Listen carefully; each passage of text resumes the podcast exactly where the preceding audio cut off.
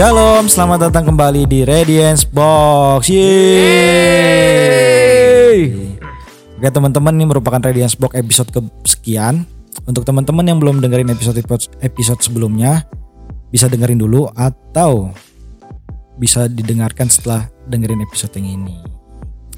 Nah teman-teman, Radiance Box itu merupakan salah satu wadah untuk teman-teman bisa curhat, cerita atau bertanya Nah, kami Radiance Box ini eh Radiance menyediakan wadahnya. Caranya gimana? Caranya teman-teman buka Instagram, buka profile radiance.community. Di situ di bio di bio Instagram kami ada linknya. Nanti teman-teman tinggal klik linknya, muncul beberapa pilihan. Teman-teman pilih yang Radiance Box. Nah, teman-teman tinggal uh, bisa curhat, cerita atau bertanya. Tanpa teman-teman tulis identitas asli teman-teman juga nggak apa-apa, bisa pakai alias. Oke, teman-teman kayak sendirian aja ya nggak asik ya kalau sendirian ya. Hari ini kita kedatangan uh, special guest, asik special guest. Uhuy. Kita kedatangan Bapak Gembala dan Ibu Gembala dari Radiance. Langsung saja kita shout out Koyapto dan Cimel. Yeay. Halo Radiance, hello para pendengar Spotify di mana pun Radiance Anda berada. Podcast Box Default. Gimana Koyap Cimel kabarnya hari ini? Amazing. Ya, luar biasa. Luar biasa Amazing. seperti biasanya ya. Seperti luar biasanya, seperti luar biasanya masih. Oke kali ini di Radiance Box kali ini kita ada beberapa pertanyaan Koyap Cimel yang harus Koyap Cimel jawab. Bukan, harus. Bu, harus, bukan saya yang jawab. Pertanyaan. Tapi Koyap dan Cimel yang jawab. Oke, oke, oke, oke. Sudah siap? Masih. Pertanyaan pertama. Cing cing cing cing cing cing datang dari nama atau aliasnya Baba. Baba. Baba, bukan Ucok Baba atau bukan Baba Liong, tapi cukup Baba saja. Oke. Okay. Ini untuk siapa nih? Uh, boleh bebas yang pencet oh, bel duluan nanti yang boleh jawab. Oke, okay, silakan. Tet, oh belum. Pertanyaannya adalah definisi sukses itu apa? Uang banyakkah? Status tinggikah? Kenapa orang sering banget nyikut sesama bahkan jatuhin orang dekat demi itu semua? Bahkan ada yang putusin hubungan dengan sahabat karena itu semua. Wah. Wow. Siapa? Saya ya? Boleh, Cimel silakan. Bicara mengenai sukses ya. Jahat ya itu orang ya. Sampai jatuhin temen mungkin dijorokin tuh temennya tuh. Atau enggak di sliding. Iya, oke. Okay. Kalau mm, ngomongin sukses ya. Hmm? Sukses itu kan buat masing-masing orang uh, tidak sama ya. Standarnya beda-beda. Misalnya contoh uh, tergantung bakat seseorang, okay. tergantung juga potensi seseorang, ya kan. Jadi beda-beda deh gitu. Nah, kalau buat aku sendiri sukses itu adalah apa pun itu ya, sukses ya, apa pun. ya mau dalam bidang kesehatan, keuangan dan hmm. lain-lain hmm. gitu ya.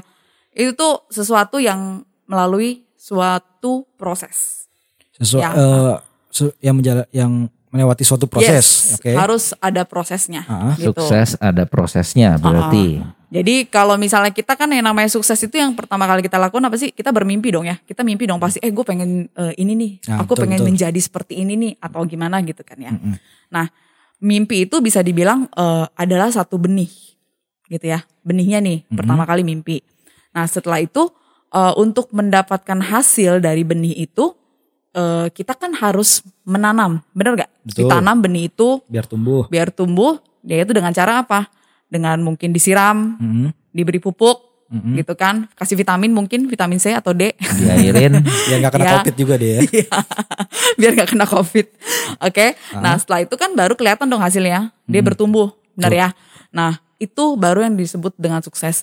Nah saat disiram itu pasti rasanya, misalnya contoh kita lagi dingin terus kita disiram pasti kan dingin gitu ya, nggak enak banget, banget gitu. Banget. Terus saat misalnya mau dikasih pupuk Terus atau mungkin saat misalnya mau di kalau di apa padi gitu kan, kalau di sawah kan tanahnya harus dibajak dulu gitu kan. Mm-hmm. Dan itu tuh nggak mudah. Okay. Pasti kalau mungkin istilahnya kayak rasanya tuh nggak nyaman gitu kan. Nah, jadi buat aku sendiri sukses itu tuh uh, sesuatu yang harus melalui sebuah proses okay. dan tidak instan. Dan proses itu tidak mudah ya. Semua hmm. semua yang namanya proses itu tidak enak ya, iya. ya. Iya. Kalau sesuatu yang instan juga hasilnya juga akan kita cepet dapat cepet hilang juga hmm. ya kan karena nggak ada sesuatu yang kayak mungkin kita tidak menghargai ya iya okay. prosesnya sesuatu gitu yang instan mm -mm. dong. terus kalau ditanya apa tadi pertanyaannya pertanyaannya Eh, definisi sukses itu apa? Uang banyakkah? Status tinggikah? Ya itu kan eh, yang aku bilang tadi ya. Maksudnya kembali lagi eh, apa namanya masing-masing orang beda. Mm-mm. Mungkin buat aku sukses itu bukan soal eh, materi aja gitu, Iya. tapi kesehatan juga suatu kesuksesan gitu kan. Nah terus ada pertanyaan lagi, eh, kenapa sih harus nyikut-nyikut sahabat atau gimana gitu ya sampai memutuskan hubungan gitu ya? Iya. Kalau buat aku sih em, itu urusan dia ya sama Tuhan ya. Kadang-kadang namanya orang menjalankan sesuatu itu eh, maunya cepet pasti melakukan atau menghalalkan segala cara supaya dia cepet sukses. Tapi aku percaya apa yang namanya tabur tuai. Tabur tuai. Ya, kalau misalnya kita menabur sesuatu yang nggak baik, pasti kita akan juga menuai sesuatu yang tidak baik. Atau mungkin kadang-kadang lebih berlipat-lipat kali ganda tidak baik.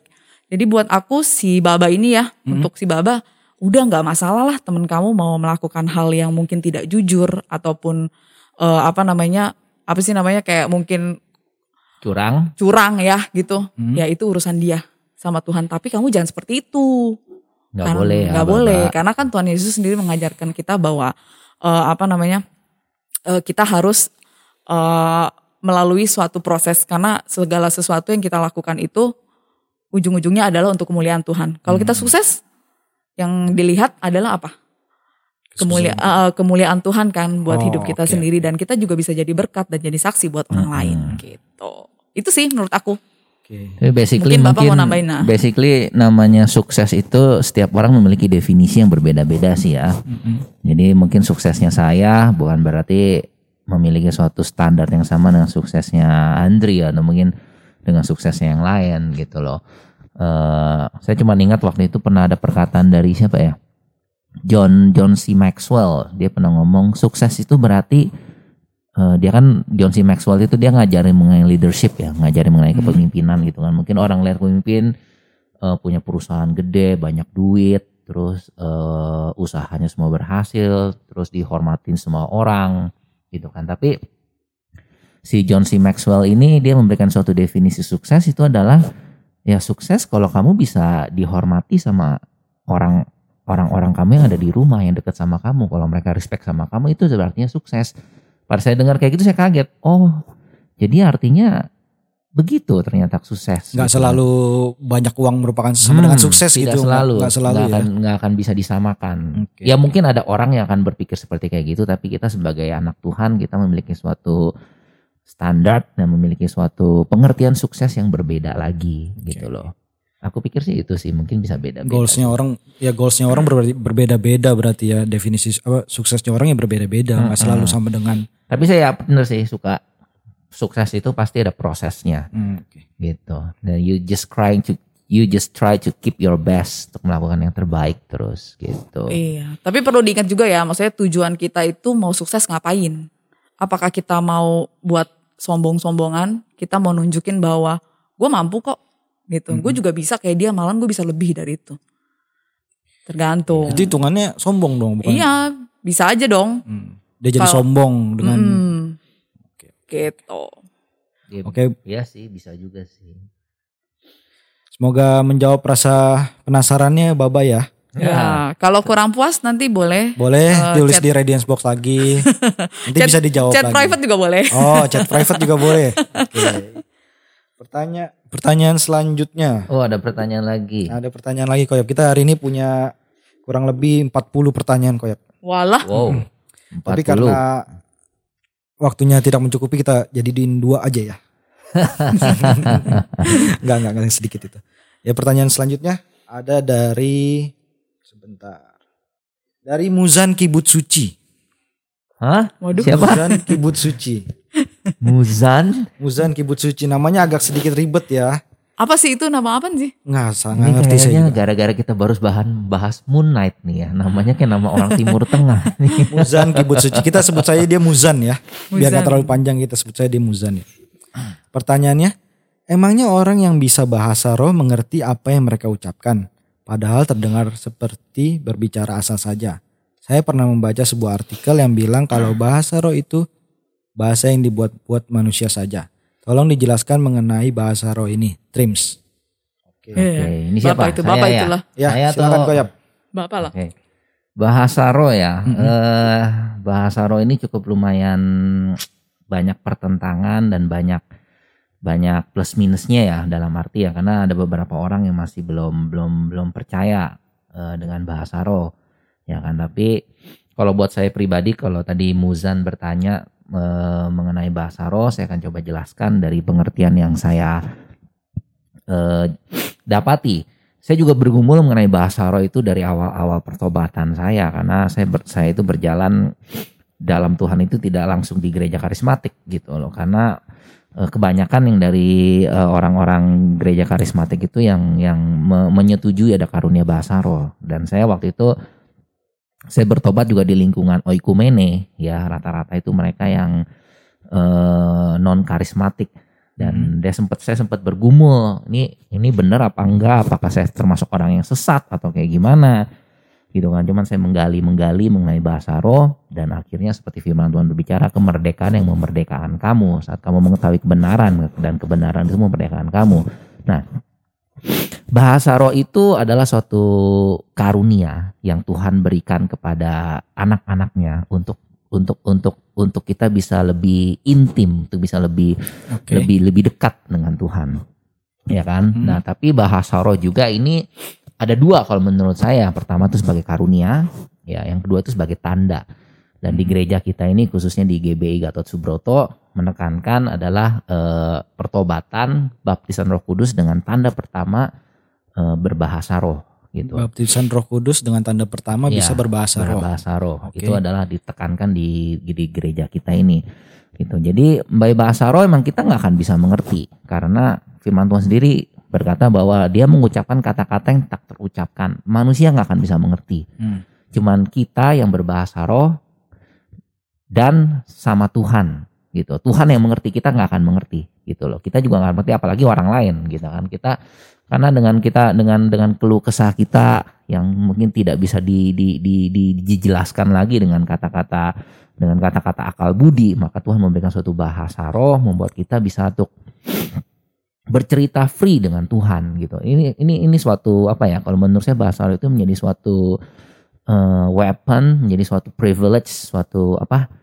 Uh, kesenangan besar buat anak-anak Tuhan karena itu bisa membuat kita bisa lebih dekat dengan Tuhan gitu dengan adanya bahasa roh di sini. Okay. Gitu loh.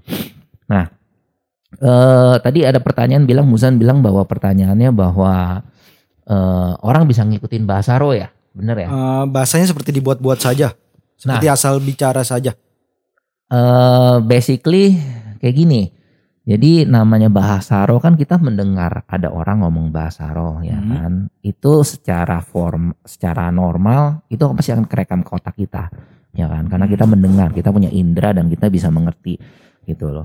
Kita bisa bisa bisa menangkap oh dia berbahasa roh tapi kita nggak mengerti artinya apa dan kadang-kadang dengan dengan manusia kita sebagai manusia yang memiliki suatu in, in, in, apa uh, kepintaran dan kita bisa mengikuti mm-hmm. gitu loh jadi anggapannya kayak kita dengar bayi menangis gitu loh okay. ya kan dengan bayi menangis kita juga bisa bisa mengikuti cara dia menangis ya kan mm-hmm. ya kan mungkin dengan dengan intonasi yang berbeda dengan dengan dengan suaranya mungkin lebih cempreng atau saya lebih bass tapi kita bisa ngikuti dengan cara dia menangis gitu. Hmm. Nah, tapi itu tidak bisa dibedakan ya. Maksudnya dia bisa berkata dengan bahasa roh yang dari Tuhan apa tidak. Nah, cara cuma membedakan adalah hidup yang berbuah gitu loh. Percuma kalau kita bisa berbahasa roh hebat sampai jengkang-jengking tapi hidup kita tidak berbuah. Hmm, dari kehidupannya juga bisa harus Betul. dilihat juga ya kok ya. Iya, dari kehidupan juga. Jadi kita bisa membedakan uh, ini orang dekat sama Tuhan apa tidak ini orang intim sama Tuhan apa tidak ya dari buah yang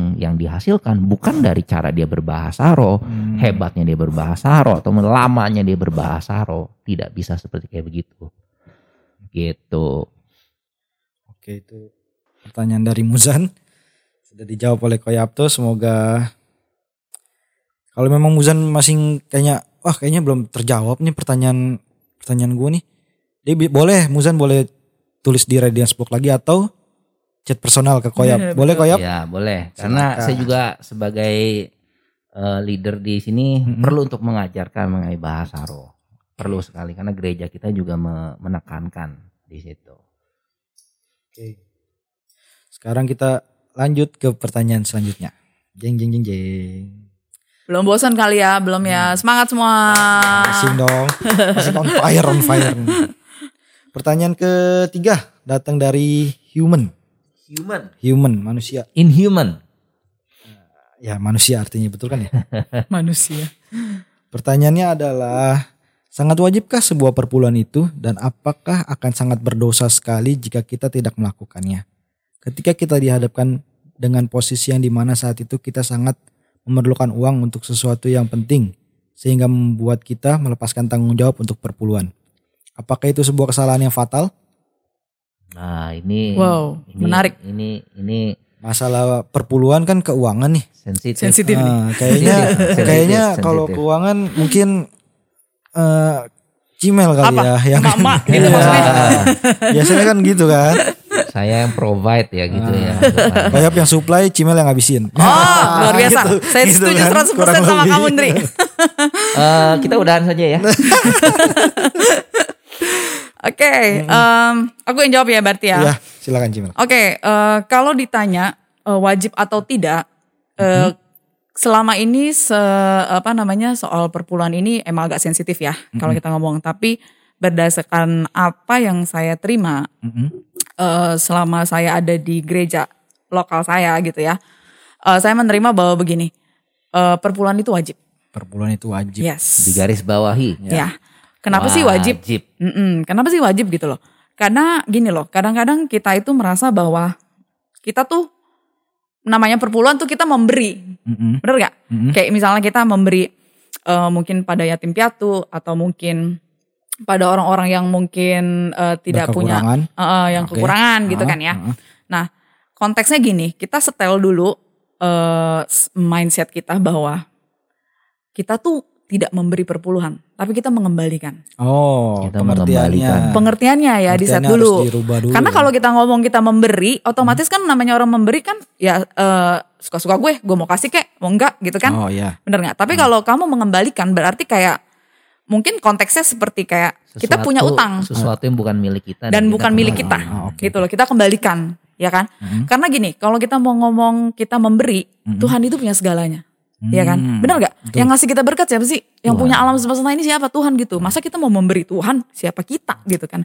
Tapi saat kita punya konteks bahwa mindset kita bahwa eh, kita bilang bahwa kita mau mengembalikan berkat Tuhan. Oke. Ya kan? Kasih setia Tuhan, anugerah Tuhan yang udah Tuhan beri buat kita. Hmm. Nah, itu yang harus kita kembalikan. Saya juga pernah dengar dari pendeta siapa gitu. Mm-mm, banyak ya. Ka- Ya, kalau apa? Tuhan sih nggak butuh uang kalian. Cuman Betul. pekerjaan Tuhan yang di, maksudnya gereja Tuhan yang butuh gitu. Eh bukan yang gimana sih ngomongnya? Betul. Pekerjaan Tuhan. Pekerjaan Pekerjaan Tuhan, yang Pekerjaan butuh. Ya. Jadi ya memang benar gini. eh, takut salah, salah- salah, salah ngomong. Sayanya sendiri takut salah ngomong. iya kan karena kan kalau gini loh. eh, ya seperti lagi seperti si Andri eh, bilang tadi gitu kan bahwa Tuhan tuh punya semuanya. Hmm. nggak perlu dikasih apa-apa. Eh, kalah Jeff Bezos, Elon Musk uangnya Wah. nggak ada apa-apanya ya. Iya, robot-robot lewat. Oke, jadi kayak apa namanya?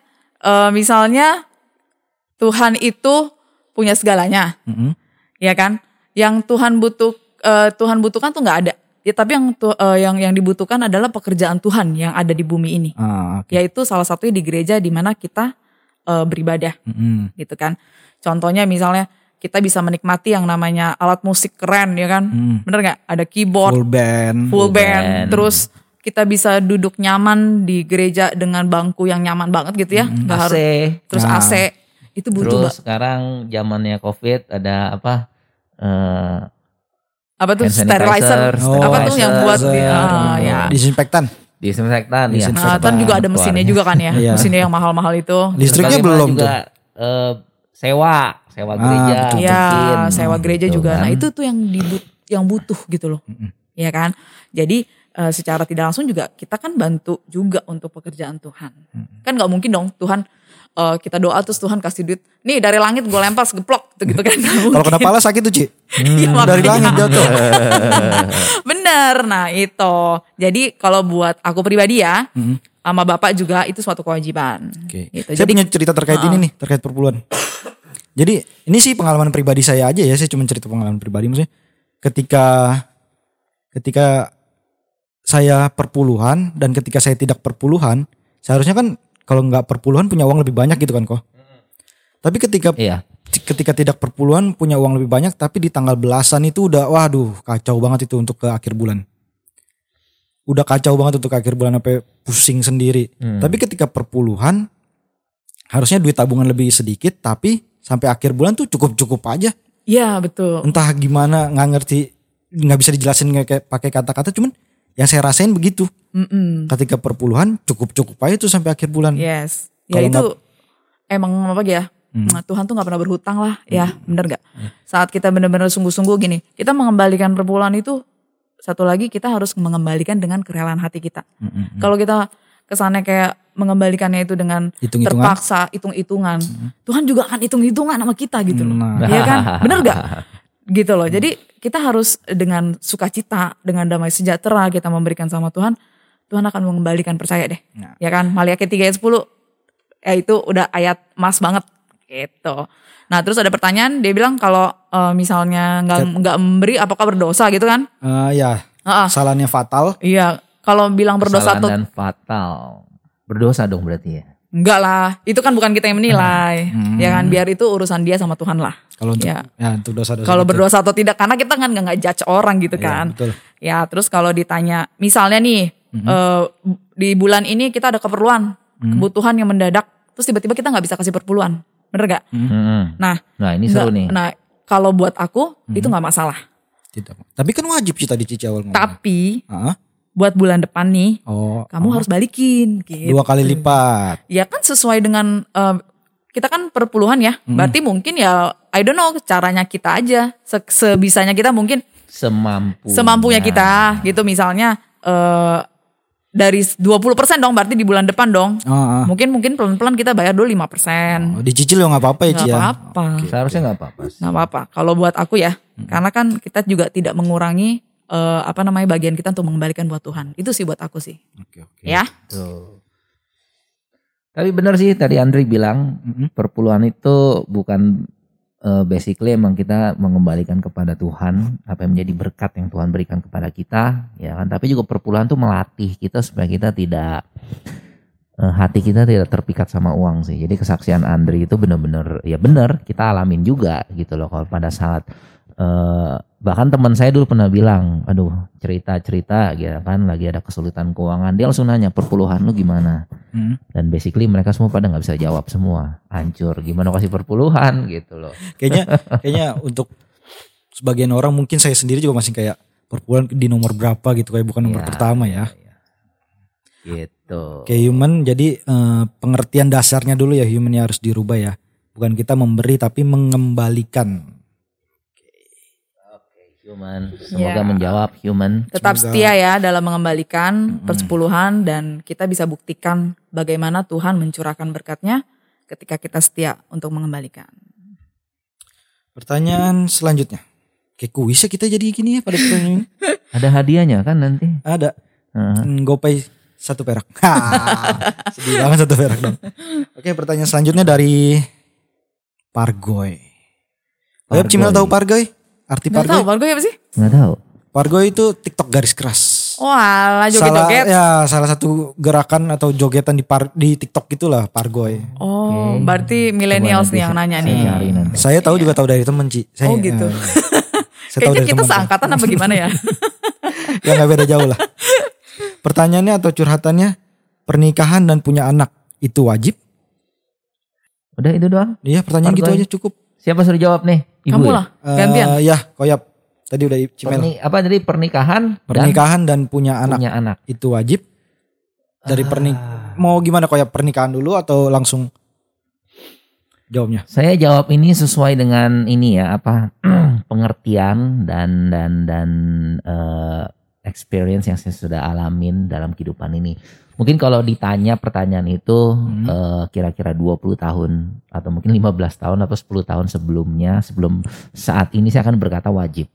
Ya kan, saya akan berkata itu wajib. Tapi eh setelah saya berjalan dalam ya pernikahan dan dan banyak yang sharing atau mungkin mendengar cerita pernikahan orang-orang dalam pernikahan cerita basically saya mendapat suatu kesimpulan bahwa eh ya nggak wajib sih untuk pernikahan. Pernikahan tidak wajib kok. Tidak wajib. Walaupun mungkin eh, kita berbicara firman Tuhan, firman Tuhan ngomong bahwa beranak cucu lah. Dulu Ah. saya juga beranak apa seperti kayak gitu. Iya. Ya kan. Wah, jadi emang kita diciptakan untuk beranak beranak cucu, wah, me- me- menguasai bumi ini gitu-gitu kan. Penuhilah. jadi penuhilah jadi bumi. jadi jadi harus menikah gitu kan. Tapi basic tapi zaman sekarang ini sangat berbeda sekali. Kenapa? Eh banyak justru yang mereka menikah, memutuskan untuk menikah, tapi jadi malah jadi berantakan gitu loh. Eh, pernikahannya atau Heeh, pernikahannya, pernikahannya jadi berantakan, tidak menjadi terang, bahkan mungkin divorce, cerai dan ya kalau menurut saya jadinya eh ma- malah, malah jadi lebih sulit lagi gitu kan. Jadi dan dan saya dengar dengar dari dari salah satu hamba Tuhan pernah berbicara juga maksudnya dan ini benar sih dan saya berpikir ya ya make sense juga. Maksudnya yang kita dalam kehidupan ini kita mengejar yang namanya kebahagiaan betul? Betul. ya kan? Even kalau kamu bahagia you, you lu lu berbahagia dalam stay single ya Hmm. just go for it. I'm tapi kalau lu lu lu lu berbahagia married ya go for it gitu. Yang kita kejar kan kebahagiaan di situ gitu loh ya kan semua orang pasti mau bahagia nah Mhm. cuman eh, sekarang kita berbicara lagi eh, kalau emang kamu mau memutuskan single tapi kamu bisa untuk menjaga kekudusan kamu nafsu kamu ya go ahead it makes you happy dan go ahead dan dan nggak salah juga karena di Alkitab pun banyak banyak juga mereka yang yang yang yang tidak merit gitu loh. Ra, Rasul Paulus tidak merit. Bahkan Yesus sendiri pun dia tidak tidak merit Tidak menikah. Ya. gitu kan. Jadi kalau ditanya sekarang apakah itu wajib bagi saya saya akan bilang itu nggak wajib. Tapi kalau itu membawa suatu eh, kemuliaan nama Tuhan saat kamu menikah dan kamu setuju ya go for it silakan. Tapi kalau emang kamu belum menemukan seseorang yang cocok, Mhm. kamu belum belum belum dapat suatu apa ya keinginan ilahi juga untuk untuk menikah dan kamu saat ini lebih berbahagia untuk single, go for it silakan. Wah, ini sesuatu ini sih apa gimana ya? Suatu saya sih pribadi sih nggak setuju ya kok. Bener saya pribadi sih nggak setuju. Saya lebih maksudnya tetap pernikahan itu mer apa wajib. Kalau misalkan emang si kita sebut si A lah ya, si A menikah, terus dia nggak bahagia gitu. Tapi kan namanya manusia kan lama-lama kan bisa eh biasa biasa biasa bisa bisa bisa kan lama-lama kebiasaan kok. Maksudnya eh, ya udah yang ya inilah kebahagiaan gua gitu mau nggak mau dia harus terima kebahagiaan dia yang kayak begini gitu. Enggak juga Enggak, sih. Kalau menurut aku gini ya. Enggak, Kalau ditanya pernikahan wajib atau tidak, Hmm? kita tahu dong. Paulus aja selibat, tapi dia bahagia, Oke. ya kan? Heeh. Jadi menurut aku ya, ya itu balik lagi mungkin seperti bapak bilang tadi, purpo, apa namanya, uh, purpose you apa gitu. Purpose. Tujuan. tujuan, Tujuan, kamu ah, apa buat nikah itu? Misalnya kamu tujuan nikah cuman maksudnya oke karena umur gue nih, Ah, ya kan? nggak Udah di bisa. ambang batas nih. Udah udah udah 40 plus Iya, mungkin. terus mungkin karena Sama dorongan siapa aja deh. Heeh. Nah, Kalau Eh, dorongan orang tua misalnya gitu. Nah, menurut aku mendingan jangan ya, karena Iya, kamu kalau- mengorbankan kebahagiaan, bener gak? kalau yang itu saya setuju sih. Tapi maksudnya yang yang maksud saya wajib itu tuh mau di umur berapapun emang kalau emang ketemu jodohnya atau ketemu pasangan yang yang you merasa Cocok. cocok Iya, menikah iya, gitu. go for it. Nggak apa-apa, nggak apa-apa. It's kalau okay. ditanya, eh, Kalau ditanya wajib, atau tidak, nggak harus. Kalau buat aku ya, gitu Oke, loh. oke. Karena kan Kita orang menem- nggak harus. Dan dan kita kan ada anak juga ya. Nah. Jadi kita punya anak, udah kita sudah berbicara mikirnya gitu kan. Tapi maksudnya kita juga benar-benar berpikir ya kita nggak bisa paksa dia juga. You have to marry Ya, gitu. Tapi emang bener sih kalau misalkan kita harus orang menafsirkannya wajib itu ntar ujung-ujungnya begitu. iya, Nah, takutnya di- terpaksa. dia- ya, didesak Uh-uh. orang tua atau umur dari ambang batas. Nah, bang batas. Ambang batas. Terus yang kedua anak ya. Anak. Ah, Ya apakah wajib anak? sama sih, sama seperti pertanyaan pertama gitu loh. Eh Tidak wajib. tidak tidak wajib dan dan kalau kalau sekarang mungkin disepakati sih pernikahan ya kan sepakatan kesepakatan. Dan kita sebagai laki-laki ya kita juga istilahnya dengan hormat tanya sama sama pasangan kita yang sudah menikah. Karena kita laki-laki mungkin kita kepengen tapi kalau membuat istri pas Sengsara. sengsara guys. Aduh sembilan bulan mengandung Mhm. itu berat sekali loh sangat-sangat berat sekali. Mau coba, Andri? Andri? Andri eh, pernah ngerasain kan? Saya pernah ngerasain nemenin istri saya waktu itu. Nemenin aja kesel ya. Itu berat sekali, itu berat sekali. Jadi ya benar-benar ini harus di- dibicarakan dengan dengan dengan sebelum kalian masuk dalam pernikahan ya kita Tunggu, bicarakan tadi dulu. Cimel, tadi Cimel ngomong apa? Nemenin aja kesel. Nemenin aja kesel ya. Bener lagi. Aduh. gimana maksudnya? Maksudnya bukan itu ya. Gimana si istrinya yang hamil gitu loh. Iya, maksud saya. betul. Yang Karena kan- nemenin aja kesel gitu. kita kita laki-laki nggak bisa membayangkan bagaimana bawa bisa merasakan. bawa perut gendutnya yang berapa kilo itu kan ke mana-mana. Apalagi kan posisinya eh, itu kan eh, hormonnya beda ya. Hmm, hmm. Jadi kadang-kadang bisa bertindak di luar eh, emang kayak misalnya dia punya kebiasaan nih misalnya eh, tidak marah-marah gitu ya. Hmm. Tapi lagi hamil tuh bawaannya bisa loh marah-marah loh. gitu. Jadi memang ada emosinya yang eh, apa namanya bisa meledak-ledak dan segala macem gitu. Kita Sesuatu yang biasanya dia nggak ngomel, bicara. Iya. tiba-tiba bisa karena sesuatu yang sama bisa marah. Iya betul. Bisa ngomel. gitu. Kayaknya lu lebih tahu emang jadi.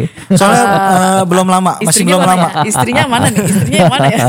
Istrinya lagi eh, Soalnya masih belum lama, ngerasain masih belum lama. Nah, Iya. iya jadi eh, wajib apa tidak? Aku pikir tidak wajib disepakatin, sepakatin. Ya itu sih paling sepakat aja. Ya, sepakat. Mau atau tidak. Ya, Oke, oke. karena saya percaya punya anak itu seperti firman Tuhan adalah pusaka, ya. Ada berkat, ada berkat yang luar biasa saat kita mau mendidik anak kita dan eh apa melatih atau mungkin membimbing anak itu berkat buat orang tua juga. Tapi ya kita kembalikan lagi maksudnya kesepakatan dari pasangan tersebut. Apakah wajib? Ya, saya perhatiin juga banyak hamba-hamba Tuhan yang mereka menikah tapi mereka sepakat untuk tidak tidak mau memiliki anak. Ada gerakannya tuh kok sekarang kok.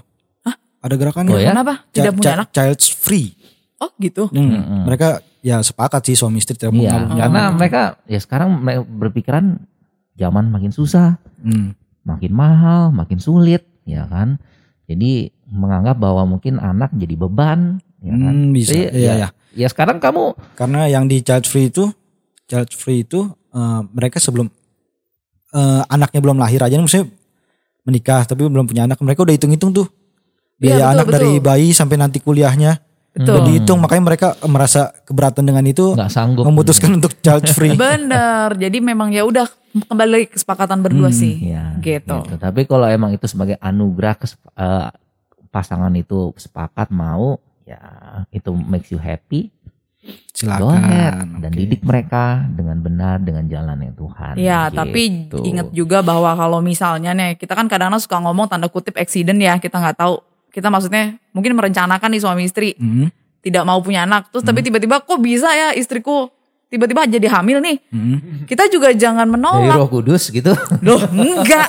Kacau. Arya dong kalau gitu. Kok ngeri banget ya? enggak, enggak, enggak gitu. Jadi maksudnya Jesus kalau born misalnya again? Eh, eh, misalnya kan kalau ya eh, sesuatu yang istilahnya gimana ya?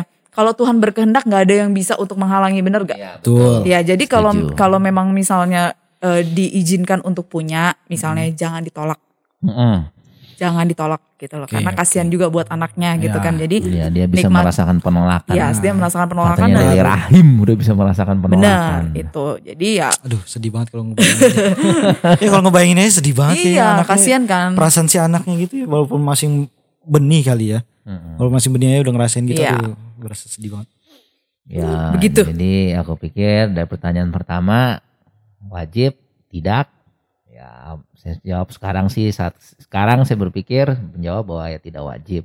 Anak pun ya kesepakatan. Kalau emang apakah harus ya kesepakatan kalian gimana? Gitu. Tapi sekalipun tadi yang kayak Cimil ngomong sekalipun dapet punya anak ya jangan ditolak.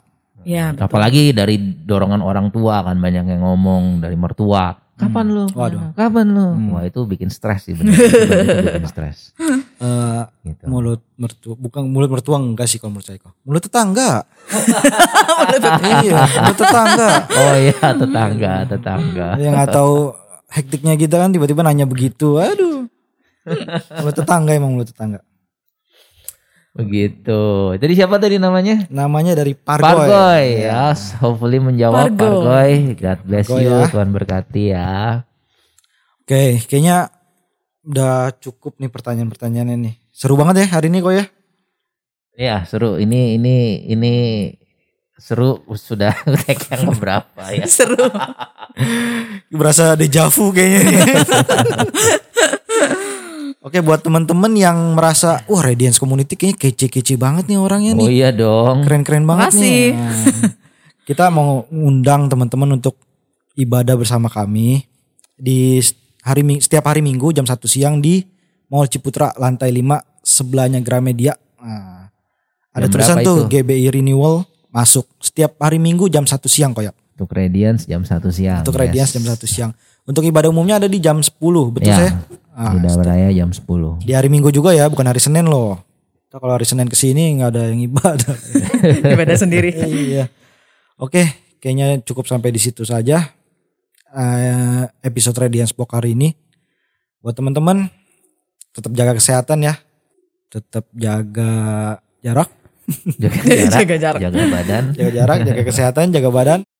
Eh, sampai jumpa di Radiance Box episode selanjutnya. Bye bye. Thank you. Bye. God bless. God bless teman-teman.